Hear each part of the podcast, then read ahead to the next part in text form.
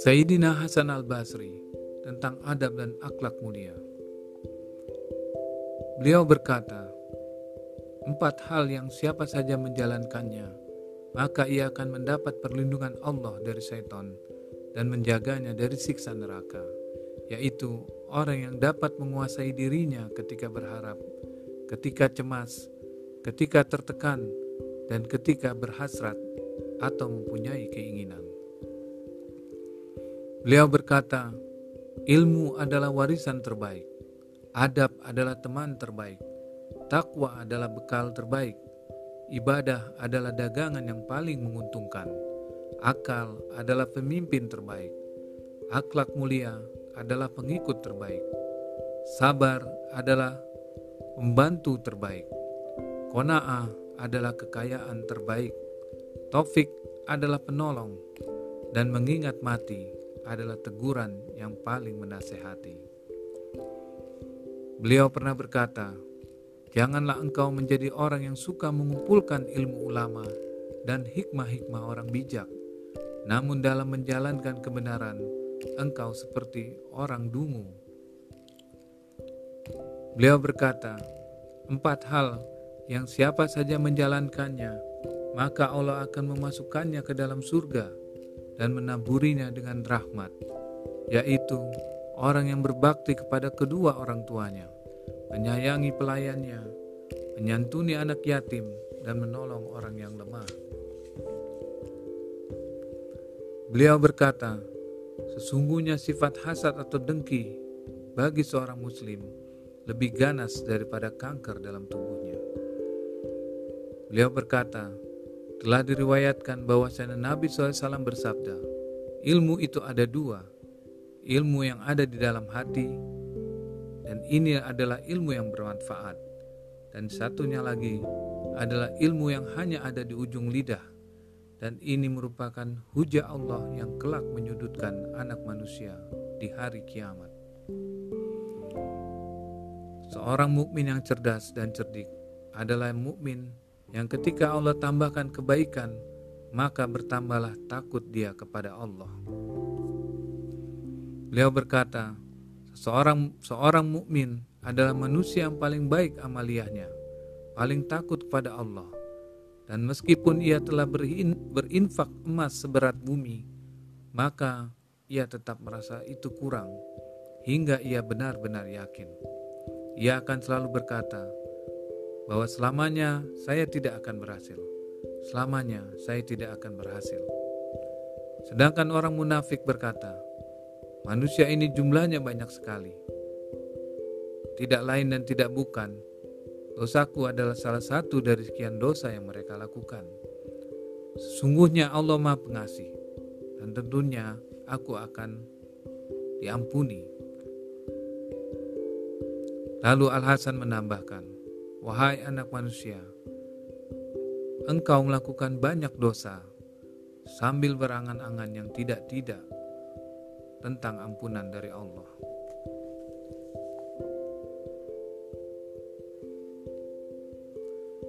Beliau berkata, siapa yang buruk akhlaknya, maka dia menyiksa dirinya sendiri. Siapa yang banyak hartanya, maka besarlah risiko dosanya. Siapa yang banyak bicaranya, maka banyaklah kesalahannya.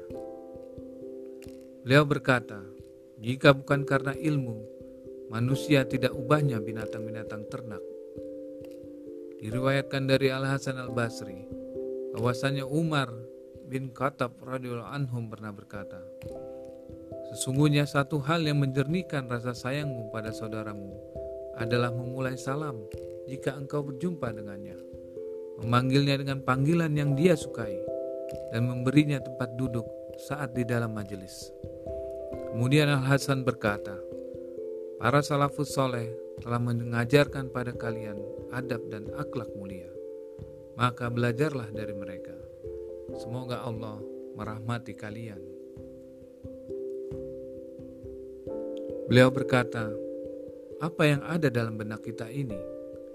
Jika salah seorang di antara kita bertemu saudaranya, maka enggan bertanya kabar. Dan meskipun mendoakan dengan doa semoga Allah mengampuni kita dan kamu serta memasukkan kita ke dalam surganya, namun dalam masalah uang sangatlah perhitungan.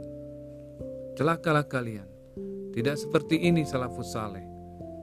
Lantas atas dasar apa kalian tidak meneladani mereka, padahal kalian diperintahkan meneladani mereka. Beliau berkata, "Wahai manusia, apa yang ada di dalam pikiran kita ini? Dalam keadaan lapang, kita saling berdekatan, tapi pada saat tertimpa, tertimpa bala, kita saling berjauhan." Tidaklah seperti itu para sahabat Rasulullah SAW berperilaku. Kami berlindung pada Allah dari melakukan sikap yang bertentangan dengan mereka. Beliau pernah mendengar ada seseorang yang banyak bicaranya. Maka beliau berkata, "Wahai anakku, tahanlah lidahmu, karena ada yang berkata bahwa tidak ada yang pantas di penjara selain lidah." Diriwayatkan dari Nabi SAW, beliau bersabda, Bukankah manusia disungkurkan kepalanya ke dalam neraka sebab menuai ulah dari lidah mereka?' Al-Hasan berkata, lidah orang arif mengikuti benaknya. Jika hendak bicara, dia berpikir lebih dahulu. Jika perkataannya berhak dia sampaikan, maka dia akan bicara. Jika akan membahayakan dirinya, dia akan diam. Sedangkan hati orang bodoh mengikuti lidahnya. Kapan saja dia mau, dia akan bicara tanpa pertimbangan.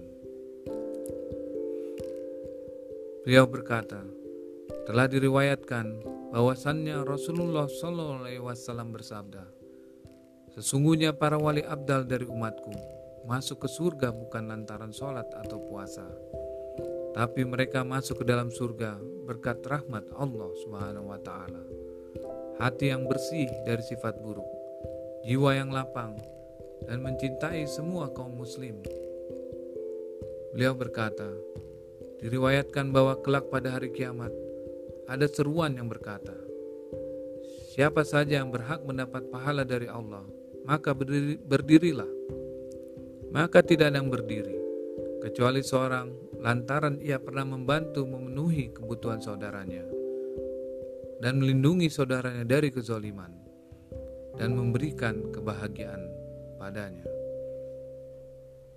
Beliau berkata, orang yang berakal tidak akan membeli permusuhan terhadap satu orang dengan kasih sayang seribu orang. Jika dia melakukan itu, maka dia bangkrut dan tidak akan pernah untung.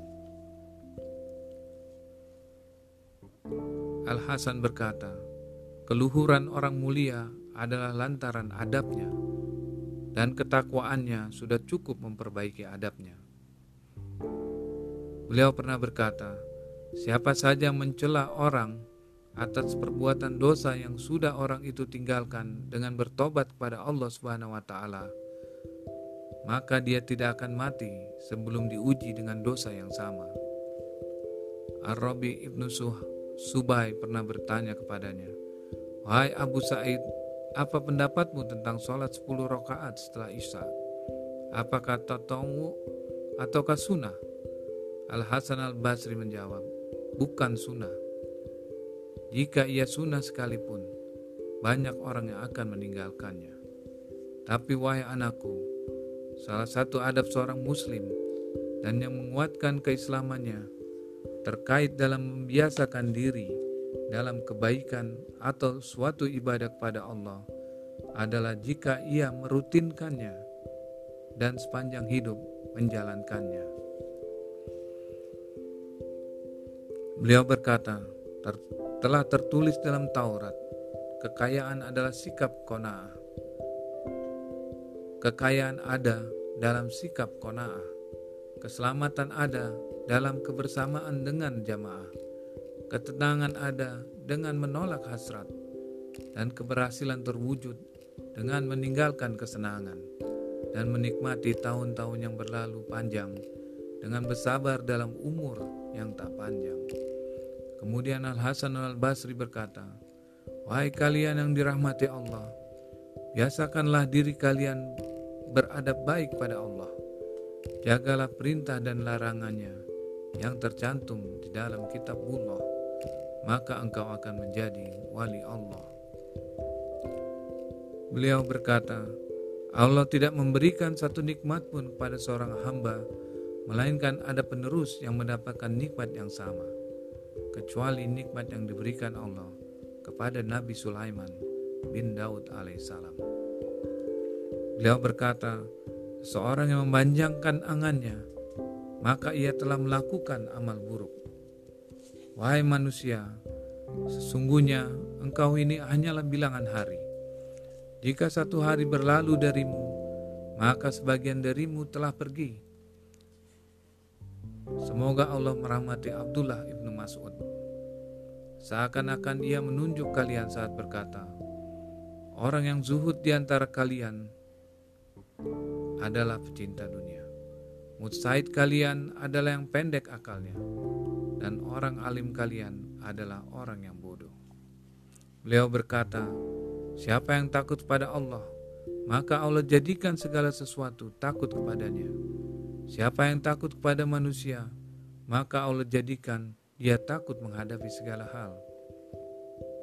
Beliau berkata, Sayyidina Umar bin Khattab pernah berkata, membaur dan menjauhlah. Al-Hasan al-Basri lantas berkata, membaurlah dengan manusia dalam akhlak mulianya dan menjauhlah dari mereka dalam perbuatan buruknya.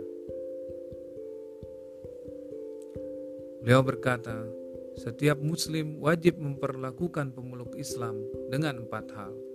Menolong mereka dalam kebaikan, memenuhi undangan mereka, memohonkan ampun atas dosa mereka, dan mengatur mereka dengan mengajak kepada kebenaran.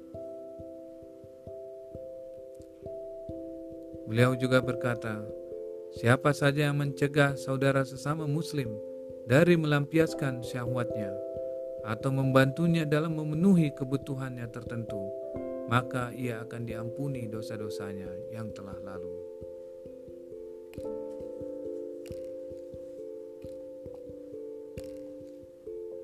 Beliau berkata, telah diriwayatkan bahwasanya Allah Subhanahu wa taala berfirman kepada Nabi Adam alaihissalam, Wahai Adam, ketahuilah ada empat hal yang berlaku untukmu dan anak cucu keturunanmu. Satu bagianku, satu bagianmu. Satu antara aku dan engkau, dan satunya lagi antara engkau dan semua manusia. Adapun satu hal yang menjadi bagianku adalah engkau menyembahku dan tidak menyekutukanku dengan apa pun. Satu hal yang menjadi bagianmu adalah amal ibadahmu. Aku akan membalasnya dan aku akan lebih butuh untuk membalasnya daripada kebutuhanmu dalam menjalankan amal itu. Satu hal yang berimbang antara bagianku dan bagianmu adalah engkau berdoa. Aku yang mengabulkan dan satu hal antara engkau dan semua manusia adalah engkau bersahabat dengan siapa saja di antara mereka yang engkau inginkan sebagaimana mereka juga bebas bersahabat denganmu. Al-Hasan al-Basri berkata, pemahaman adalah wadahnya ilmu, ilmu yang menunjukkan amal, amal yang membimbing kepada kebaikan. Hawa nafsu adalah kendaraannya maksiat. Harta adalah penyakitnya orang sombong.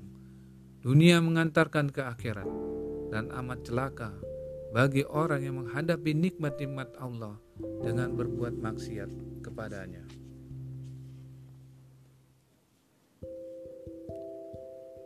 Beliau berkata, "Wahai anak manusia, sesungguhnya iman tidaklah diraih dengan berleha-leha dan panjang angan, tapi iman digapai dengan keyakinan yang menetap di dalam kalbu dan ketulusan dalam beramal."